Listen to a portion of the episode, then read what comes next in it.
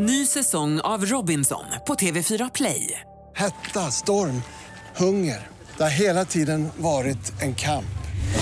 Nu är det blod och tårar. Fan händer just nu. Det. är Detta är inte okej. Robinson 2024, nu fucking kör vi! Streama söndag på TV4 Play. Hej Alex. Tja. Du, eh, du har ju alltid slagit mig som en person som inte verkar vara särskilt orolig utan tar dagen som den kommer och så. Ja, eh, man oroar sig för- för barn och Är, sånt. är det så? Då? Ja, men barn och sånt oroar man sig Barn och lite grann. sånt? Ja. Men, eh, men jag gillar ju inte när det styr mig. Nej?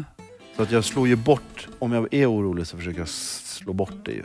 Mm. Sen vet inte jag om det är faktiskt rätt nu när man har suttit och gjort den här poddserien så kanske lite KBT på det där och kanske bada lite i den där oron kanske hade varit mer Ja. nyttig. Jag vet inte riktigt. Men, men det som jag har märkt nu när vi gör den här podden det är ju att fast du har en sån här liten, eh, vad ska man säga, eh, utstrålar någon, någon slags eh, Laid back-het. laid backhet, ja precis. Mm. Så vissa saker verkar du ändå förvånansvärt noggrann med. Att du jäkla noggrann när du klipper den här podden och när du att du kallar dig själv optimeringsneurotiker och du, sådär. Så att är det, är det hela bilden att du är laid back eller är du, finns det en oro där också som styr dig för vissa saker? Bra, bra fråga. Eh, så här är det, jag upplever mig själv som inte orolig. Men när du lägger upp det sådär så hör jag ju. Eh, och det tidig, ett tidigt minne jag har eh, är, nu hänger jag ut min pappa lite här, men ett tidigt minne jag har är att pappa eh, är i vardagsrummet, jag är tio år och han frågar mig om, om att han är hungrig och om jag kan göra några mackor till honom. Och jag går ut i köket och tänker så här, gud vad roligt, jag ska få göra två smörgåsar till pappa. Och, eh, och då tar jag ut eh, färskt bröd. Men problemet jag har är att jag tar fram eh, kylskåpskallt smör. Mhm. Så när jag brer smöret så, så går mackan nästan helt sönder. Mhm. Men jag är väldigt avslappnad där och tänker, äh, det, det är okej. liksom. För jag är ju väldigt bekräftad som barn och min mamma har alltid sagt att det jag gör är helt okej. Och vet, det spelar ingen roll vilka misstag man begår så är det ändå lugnt. Och sen kommer jag ut med de här två smörgåsarna. Som var liksom katastrofala verkligen. Så säger pappa till mig, ser du hur de ser ut? Det, det, det finns ju inte, det är ju bara, bara det är inte en macka. Hur ska jag kunna äta det här? Det går inte, det går ju knappt att hålla i den. Mm. Då gick jag ut och gjorde två nya smörgåsar. Mm. Och jag tror att det där är faktiskt någonting som jag liksom, när, om jag ska göra någonting så vill jag att det ska vara bra. Och Mm. oroar jag mig för någonting så är det väl att jag lägger ner tid på någonting som sen blir dåligt. Mm. Det är nog den oron jag har i så fall. Mm. Så, så du använder ändå oro till att göra något bra då kan man säga? Liksom. Jag har inte tänkt Eller- på det så, men nu när vi pratar om det så Kanske. inser jag ju att Mm. det är ju förmodligen Mm. en drivkraft. Men idag så har vi då Erik Andersson som gäst som är Ja. psykolog och som eh, jag har jobbat med jättemycket. Han har skrivit sin doktorsavhandling ihop med mig. Eller han har skrivit den själv men jag var hans handledare. Mm. Och han håller på mycket med oro och forskar på det. Så vi tänkte fråga honom massa saker kring det. Erik Andersson är psykologen som är lika känd för sin avancerade frisyr som för sin forskning. Han disputerade 2014 på Karolinska institutet på en avhandling om KBT för tvångssyndrom, då med Christian Ryck som handledare. När han inte undervisar blivande psykologer eller botar sjuka så svischar han fram på sin japanska cykel på väg mot nästa utmaning.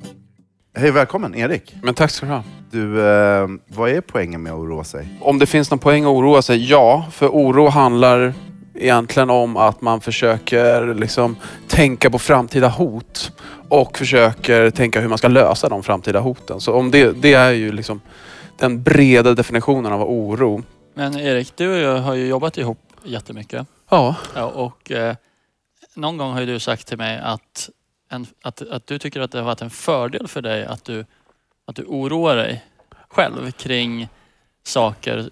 Eh, när man gör en studie till exempel menar du, har du sagt någon gång att om man inte oroar sig alls då kommer det gå åt helvete. Utan det är en slags drivkraft att oroa sig. Ja, men jag tycker det. Alltså, det är väl lite det som... Alltså, det är så svårt att skilja på oro som någonting dåligt och någonting som faktiskt funkar för en också. Som är bra. I mitt fall så oroar jag mig ganska mycket, särskilt med studier. Då sitter jag och nojar mig på kvällarna och tänker ut alla möjliga potentiella problem som kan uppkomma. Eh, och sen agerar jag på de problemen. Jag går, jag liksom går in och börjar kolla att, att eh, allting stämmer. Och ganska ofta så hittar jag småfel lite här och var. Eh, Och är det bra eller dålig oro tycker du då? Alltså jag tycker det är, för mig, alltså det här får man alltid fråga varje person, men för mig är det en ganska bra oro. För att den, den funkar, för att den får mig att agera och gå in och kontrollera. Jag tycker att studien blir mycket bättre generellt sett. Det Så blir ingen plåga för dig då? Eller? I stunden så är det ju jobbiga tankar. Mm. Um, men det är ju ganska värt... Det, det blir ju mycket värre ifall jag inte hade oroat mig och allting bara kommer som en stor överraskning, otrevlig överraskning. Mm. Det finns ju många människor som bara oroar sig men aldrig agerar på oron. De sitter bara helt handlingsförlamade hemma och sitter bara och oroar sig men gör ingenting åt den riktigt. Då, är det, då ställer det verkligen till problem. Eller om man oroar sig för saker som inte ens har med sig själv att göra. Typ så här, atombomb i Nordkorea Ja. och gå runt och må dåligt över det. Det är ju... Alltså allting som man inte kan påverka, att hålla på och bara oroa sig över saker man inte kan påverka, det brukar ju ställa till det för folk. För det finns väl också så här forskning som säger att det mesta som vi oroar oss för kommer ju aldrig hända. ja, Alltså det, det, är väl så här, det är ju bananas om man tänker på hur mycket man oro- oroar sig för alla eventuella situationer som kan uppkomma. Ja, alltså, Inget slår ju in. Eh, Alltså om jag tänker på vad jag oroar mig för och hur mycket som slår in. Det, det måste vara Ja, det är ju otroligt lite. 0,5 procent skulle Ja. jag gissa på. En, en typisk situation där många oroar sig är ju kring nyfödda barn och småbarn. Det vet jag själv att det är en period där det är väldigt lätt att oroa sig kring. eh, Jag minns våran förstfödda på, eh, på, på BB. Hon var lite, fick någon så här lite lila prickar i ansiktet och eh, då plingade jag på knappen där det var för hennes andra dag hon levde eller något och så kom en undersköterska in och sa att det är normalt. Jag tänkte, tänk om hon har fel. Hon kanske, ungen börjar ju se lite lila ut. Det kanske inte ska vara så. Hon kanske, hon kanske bara gissade. Så jag ringde igen och tvingade henne att hämta någon annan. Och då kom hon med en bok som de hade gjort, så här, hemgjord laminerad bok med vanliga hudförändringar första dygnen. Och så pekar de så här, Skönt titta, så här Wow. ska det vara. Så att det, det är ju en typisk situation som är väldigt katast- liksom, om hon har fel skulle ju barnet dö och det vore en enorm katastrof. Så att liksom på något sätt finns det en, en drivkraft för oro som är oerhört stor. Och jag vet ju att du Erik har ju varit med om just det här när det faktiskt finns något att oroa sig för, eller hur? Det, Ja, precis.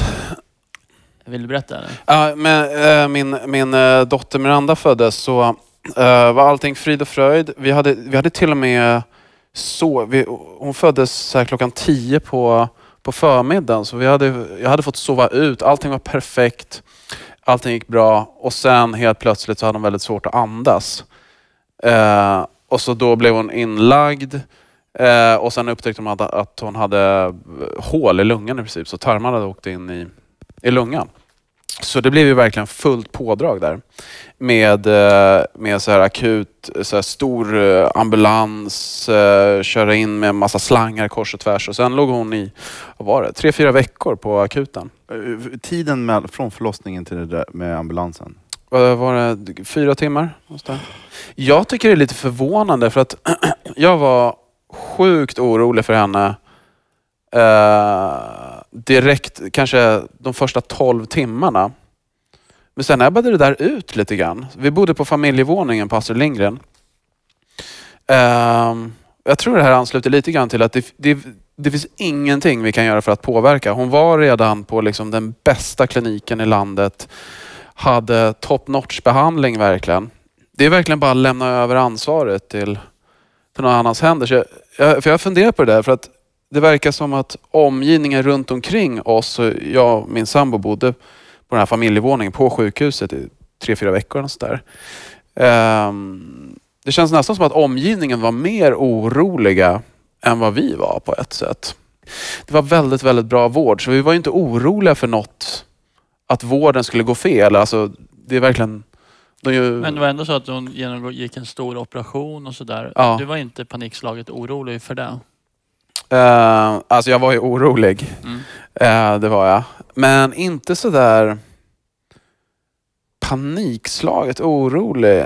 Men är det inte när hopplöshet infinner sig, är det inte så att man känner bara att man inser att jag kan inte göra någonting här. Och då blir man lamslagen för att det är för stort att bara ta in och sen så blir man ju lugnare av det. Och, då, och jag tänker på omgivningen, är inte det bara att det är ju ovissheten som oroar Ja. sig. Jag brukar tänka på när jag blir orolig för någonting, om man tänker på sjukdomar, går inte alls att jä- jämföra med det du gick igenom. Men det är ju det att så fort jag tar reda på information Mm. så mår man ju mycket bättre. Det är ju hela tiden den här liksom, det jobbiga när man inte vet. Men du kanske du känner dig trygg i hu- sjukhusmiljö till att börja med? Ja, men det gör jag. Och det kan ju Eh, hjälpa också en sån där grej. Men, men eh, för då jag brukar oroa mig, då är det när jag själv kan påverka saker i en riktning. Okej. Eh, Men när det inte, det finns ingenting jag kan göra. Vad ska jag göra? Liksom ställa mig bredvid kirurgen och säga hur han ska operera. Inte en bra idé. Utan det enda jag kan göra är att bara sitta vackert och bara hoppas att det går bra. Då blir jag inte lika orolig längre, har jag märkt. Eh, för jag har tänkt på det. eh, för sen, sen blev hon opererad. Så hon mår bra idag förresten, ska jag säga. Hon mår jättebra faktiskt. Hur gammal är hon nu? Hon är tre år. Ehm, Fantastiskt. Alltså, du måste känna, att betala skatt är ju inga problem för dig. Jag älskar skatt. Ja. Jag älskar Sverige. Ja, man- Jag älskar svensk Ja, men när man föder och varit på sjukhus eh, och vi har två friska barn, komplikationsfritt. Sen efter det, när man kommer ut därifrån, så här patientavgift 800 kronor. Man bara, alltså... Och sen efter det så är det inga problem att gå till jobbet. Betala skatt. Nej, jag- Förlåt. Ja. Jag älskar det. Ja. Men du, om man har, eh, om man har mer eh, jobbig oro då? För det du beskriver låter ändå som liksom att oron har en positiv funktion för dig också då. Men om man I har jobb... arbetet ja. Ja, precis. Men Inte på sjukhuset. om man har, om man har eh, besvärande oro som också kanske handlar om saker som man inte kan påverka då. Mm. Men ändå oroar sig. Låt oss Mm. säga eh, sambon har inte kommit hem. Oj, då, har den, då måste det ha hänt något fruktansvärt. Barnen är inte hemma i tid. Då måste det ha hänt något fruktansvärt. Att man katastrofierar hela tiden. Ja. Vad, vad är det då? Ja, alltså det finns ju en, det finns en psykiatrisk diagnos som kallas för eh, GAD, Generalized Anxiety Disorder på engelska. Så eh, nu ska jag lära er lite psykologlingo. Man säger, Perfekt. att, man säger att man gaddar sig. Aha, Det, det ja. är att man håller på och oroar sig överdrivet. Över saker som inte... Vad sa du? Vad var förkortningen? Gaddar sig. Jo, men Generalized Anxiety Disorder. Man Så- generaliserar så, saker. Generaliserat Generaliserat ångestsyndrom. Ja. Och då är det... Generaliserat betyder det alltså att det är spritt över... Så man oroar sig för det mest, över de flesta saker i livet och man oroar sig hela tiden. Vardagliga saker som du och jag oroas för, fast bara ännu mer. När är oro sjuklig? Liksom, när bör man göra något åt det i alla fall? Det är väldigt inte, det är bara den som har oron som kan bestämma när det blir överdriven nästan. En del människor oroar sig ganska mycket, trivs med det. Mm. Jag är lite mer oroligt lagd person överlag. Men jag har vant mig vid det. Jag trivs med det ganska bra. Jag har lärt mig hur jag ska kunna använda min oro på ett bra sätt. Men det finns människor som oroar sig som bara tycker att det är överdrivet och ställer bara till problem med dem, för dem. Det vanligaste exemplet på när det verkligen blir överdrivet det är när folk sumpar sina liv. När de är med sina barn, men de är inte med sina barn. De är inte här och nu med sina barn, utan de bara håller på och oroar sig över alla potentiella olyckor som kan hända barnen istället för att faktiskt vara med barnen och umgås med dem. För den som lyssnar då, som vill göra som du, att kunna använda sin oro på... Du sa här att du har lärt dig att använda din oro på ett bra sätt. Mm. Har du några tips? Hur, hur man, om, man vill, om, man vill, om man är lite oroligt lagd men ändå vill göra något bra av det. Kan man lära sig det? Ja, men det kan man göra. Alltså jag, jag brukar... Eh, när jag märker att min oro börjar gå överstyr. I princip det jag gör är att jag sätter mig ner och skriver ner vad exakt är problemet. Och sen gör jag ett... Försöker jag Excel. I princip ett Excel-ark. Eh, vad är problemet? Vad kan du göra åt det? Eh, och hur stor effekt kommer det göra att du gör någonting åt det? Eh, så i ditt fall har jag gått igenom det här med andningslarm kors och tvärs. Kommer fram till att det är, det är, nog inte, det, det är lite överdrivet i Mm. min slutsats. Och då har jag bara släppt det. Och sen eh, om jag väl får en orostanke, ja gud, tänk om hon inte andas. Så eh, jobbar jag, jag jobbar väldigt hårt med acceptans. Att, ja, händer det så händer det. Erik, du har gjort flera studier för oro där man har, kan få behandling Mm. eh, för oro oavsett diagnos. Eh, vad gör man i den behandlingen? I korthet, det man gör är att man tränar sig på att stanna kvar i sina orostankar utan att spinna iväg och försöka lösa det, utan bara stanna kvar i orostanken, acceptera den, låt det som händer bara hända. Eh, och, sen, och då finns det ganska eh, specifika tekniker över hur man gör så. Men om jag bara ska sammanfatta det hela, det är vår huvudprincip. Så man måste acceptera att vad som helst kan hända. Precis. sätt? Och då gäller det ju att man har definierat vad, om det här är en överdriven orostanke eller inte. Och den här behandlingen, hur, tar det, hur lång tid? Eller hur många, är det några tillfällen? Eller är det... Alltså den behandling jag har gjort, den kör vi som internetbehandling.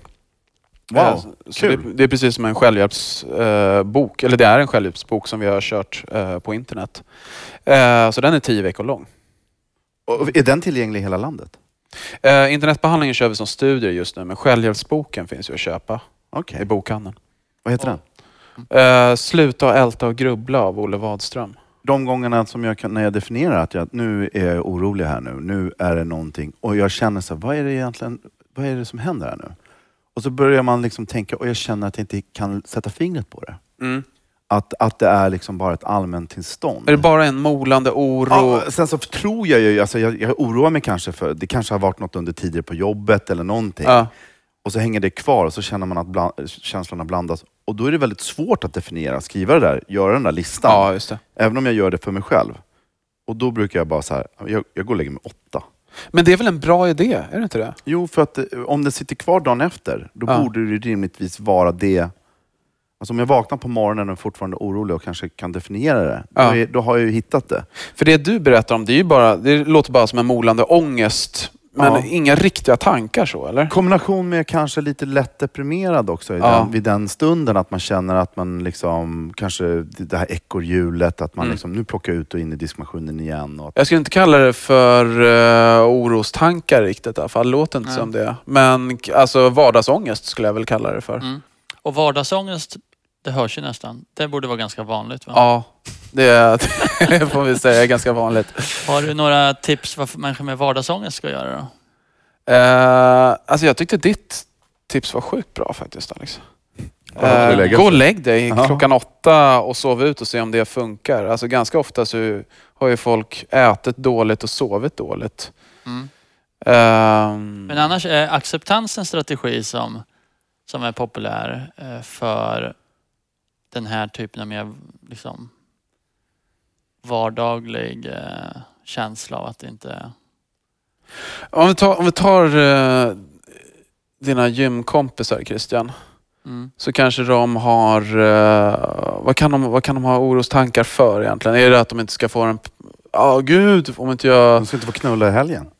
Nej, jag, eh, och och jag vill inte peka ut någon på gymmet, men, men jag, jag tänker mig att det, det, man ser jättemånga unga kvinnor som är eh, väldigt vältränade, men det jag misstänker att, att det är någon slags stress som driver dem att träna och inte lust. Liksom. Och att. Man ser ganska många sådana människor tycker jag som, som liksom inte är eh, Ja, som är lite olyckliga och som försöker kompensera det på olika sätt. Just det, så de, Mm. de tränar av ångest, ångestdrivna skäl så att säga. Anledningen till att Mm. de tränar det är bara att dämpa ångesttankar om att man kanske inte är snygg eller något sånt där, eller? Ja, man Exempel. kanske inte känner sig så värdefull som person. Och så. Just det. Ja, det är ju, eh, det är ju trixigt. Nej, men så här. Det, om man är, känner sig deprimerad, då, är det en bra, då kan det vara en bra idé att gå och träna som distraktion bara istället för att sitta hemma och inte göra någonting. Mm. Det är det ena. Då kan distraktion vara Så det kan vara en bra idé att man tränar faktiskt. Det kan faktiskt vara en bra idé, även fast det är av tillfället ångestlindrande själv. För man kommer ut och får lite endorfiner, träffar andra människor. Inte en hobby generellt. Kanske går och alltså. skakar en drink tillsammans, sån här proteindrink med någon annan. Börjar prata lite Det har grann. Erik börjat med för övrigt. Det här får ni inte sända. Nej, Ja, det är sant. Vi kör eh, proteindrinkar. Ja, jag har börjat med börjat det. skaka. Ja. Ja, jag har faktiskt också börjat för ett år sedan med drinkar. Har du det? Ja. Okej, du får sända Ja, du kan få Du- en sen innan du drar om du vill. För jag har en jävligt Oh my smarrig. god. Den Okej, smakar- Det här blev totalt normaliserat nu. Jag har skämt så mycket över den här proteindrinken som jag har börjat skaffa mig. Men nu känner jag mig helt... Men, för jag har hittat en Normal. smak som, som, som smakar som banana skids. Nej. Och när den är kall, riktigt kallvatten, Ja. smakar det nästan Vad är som Banana Skids? Jag vet inte ens vad det är. skids. Den här Skids, gula det du fick, godiset. det du fick på, på. Kolan förstår. banansmak. Fritidsgården, högstadiet. Mm, den Vad gjorde du egentligen? Ja, Läste böcker. han hade ju inte, de, Christian hade ju inte tv när han var liten. Nej, Stämmer. just det. Och nu dricker han proteinshake. Så att, eh, Det gör jag inte. Men jag ska göra det snart. eh, men, Jag har gammeldags vanilj som smak. men fan, jag, har- ja, vi ska inte prata om det nu. Nej. Men eh, Erik, hur ska jag hantera situationen när min fru, och och hon är ju lindrigt flygrädd. Ja. Men det är ändå så att hon tar en whisky in, som rutin på fl- flygplatsen. Håller de på att trissa upp dig också eller inför flygningen? Det, det, det, jag Jag tar försöker... en whisky även om det är tidigt alltså. Ja, På morgonen. ja. Alltså det är lite som att det har blivit en, en, en rutin. Alltså det är att- hon och charterturisterna. Nej, alltså hon gör ju det av ångest. Så här. Hon, Ja. hon, bara, hon tar en fyra whisky, inte för tidigt förstås, så det blir konstigt. Men det, det är inte varit 11 kanske, 10-11. Och då tar man en whisky innan man ska flyga. Eh, för hon tycker att det hjälper. Och jag försöker ju inte dras med i det där. Jag är ju inte flygrädd. Men jag tänker på oro. Det- Om det smittar, vilket det, det uppenbarligen gör i en sån situation. Jag tänker på man kan oroa sig över barn, man sitter som barn, föräldragrupper kanske eller någonting. Eller om man sitter på ett flygplan och den bredvid säger så här, nu har du klivit på, nu har du klivit på två muslimer här i, i såna konstiga kläder. Nu kommer de spränga det här planet. och, det, och man själv tänker så här, fan du är helt galen. Fan, hur kan du ens säga så? Ja. Och så sitter man där och tänker, de kanske kommer spränga planet. Alltså det har ju smittat av sig. Ja. Hur ska man hantera en sån situation?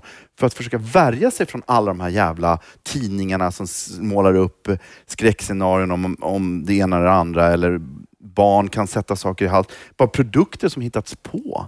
Som man egentligen inte ens behöver. Ja. Bara för att man oroar sig.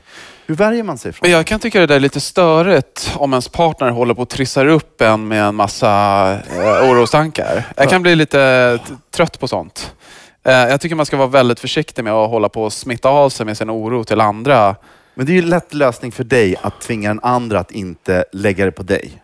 Men om du själv nu exponeras för någonting, för det är ju alltid lättare om den Ja. andra fixar det där. Fixa det där du så jag slipper ta hand om det. Fast det är ändå ganska svårt. Jag menar, Ja, det, det, det det, det. tror jag. Det lättaste är väl att, att man vill vara väldigt omhändertagande mot ens partner och gå med och säga så här, men jag kan kolla en extra gång Ja. och jag fixar det där åt dig så du ska slippa känna jobbiga känslor. Är det så Erik att du i så fall säger ifrån? Nej, oftast gör jag inte. Nej. Du har, kom, du har kommenterat... Men jag kan ju få orostankar också och jag försöker verkligen hålla dem för mig själv och inte smitta av dem på mina vänner eller min partner. Eh, För, för du och jag var ju ute och käkade för, no, för någon vecka sedan och då fick jag ett sms med lite sån här, eh, hur ska man kalla det, gnälligt innehåll från en person. Ja. Då sa du till mig, varför skickar den personen det smset? ja. Och, och så, så tror jag inte de flesta tänker, att det finns någon slags, att man, att man, får, att man inte borde göra så. Eller? ja, just det.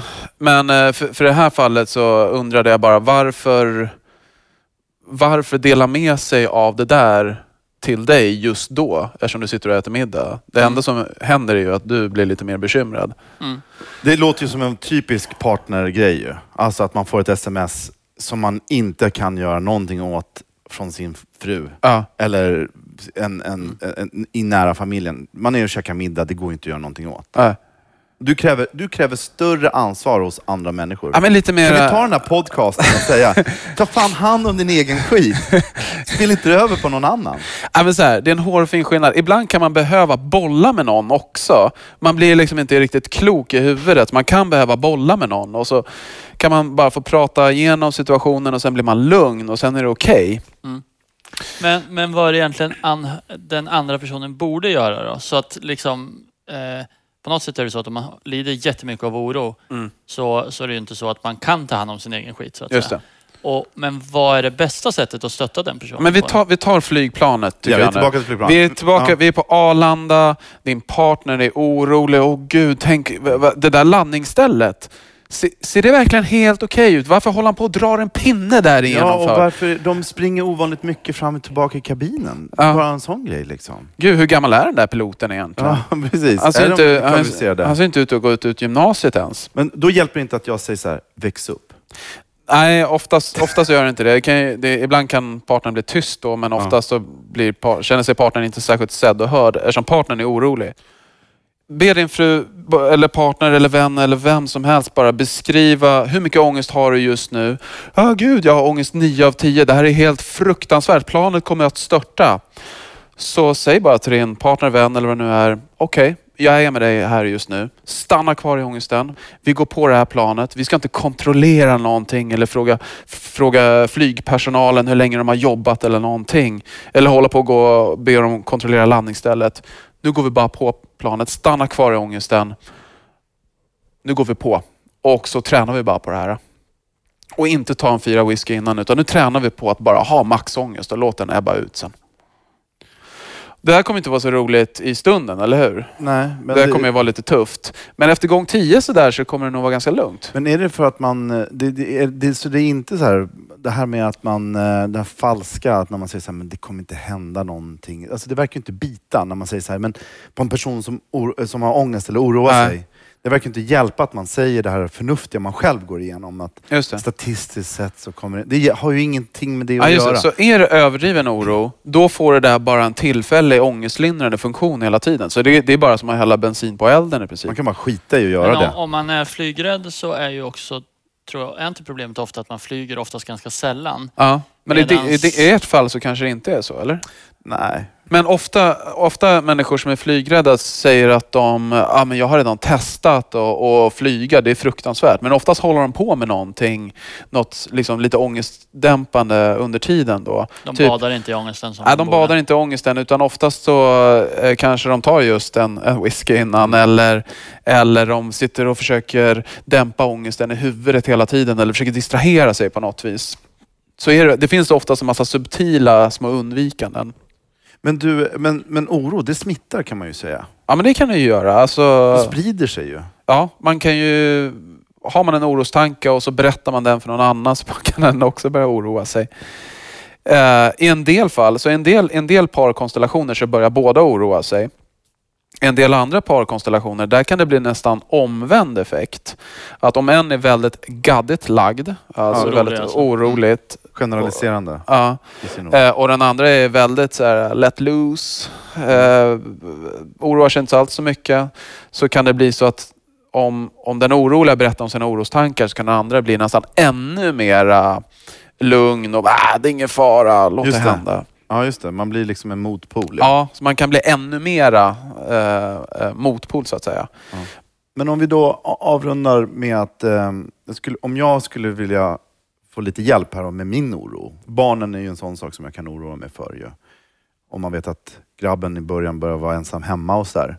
Har du några konkreta tips till mig hur jag ska hantera en sån oro?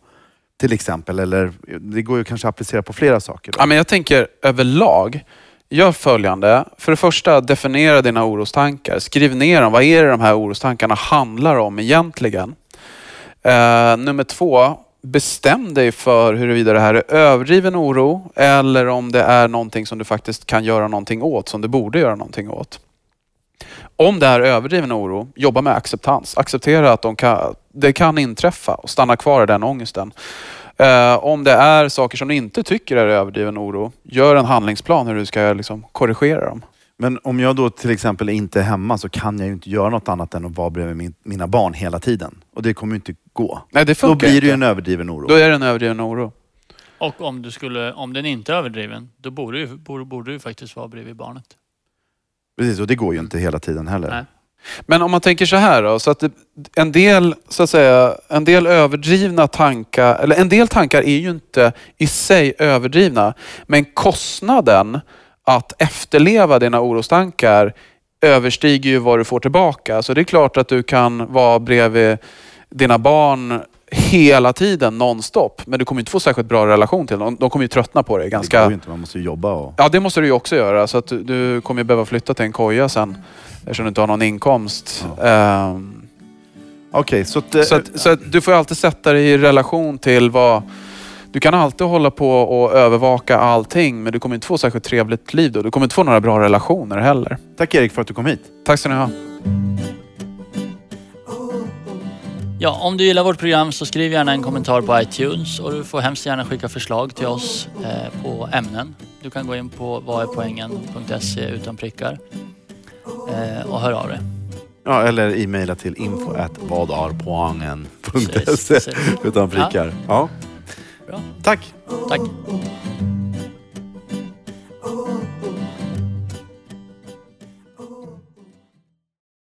Ny säsong av Robinson på TV4 Play. Hetta, storm, hunger. Det har hela tiden varit en kamp. Nu är det blod och tårar. Fan händer just nu. Det. är Detta är inte okej. Robinson 2024, nu fucking kör vi! Streama söndag på TV4 Play.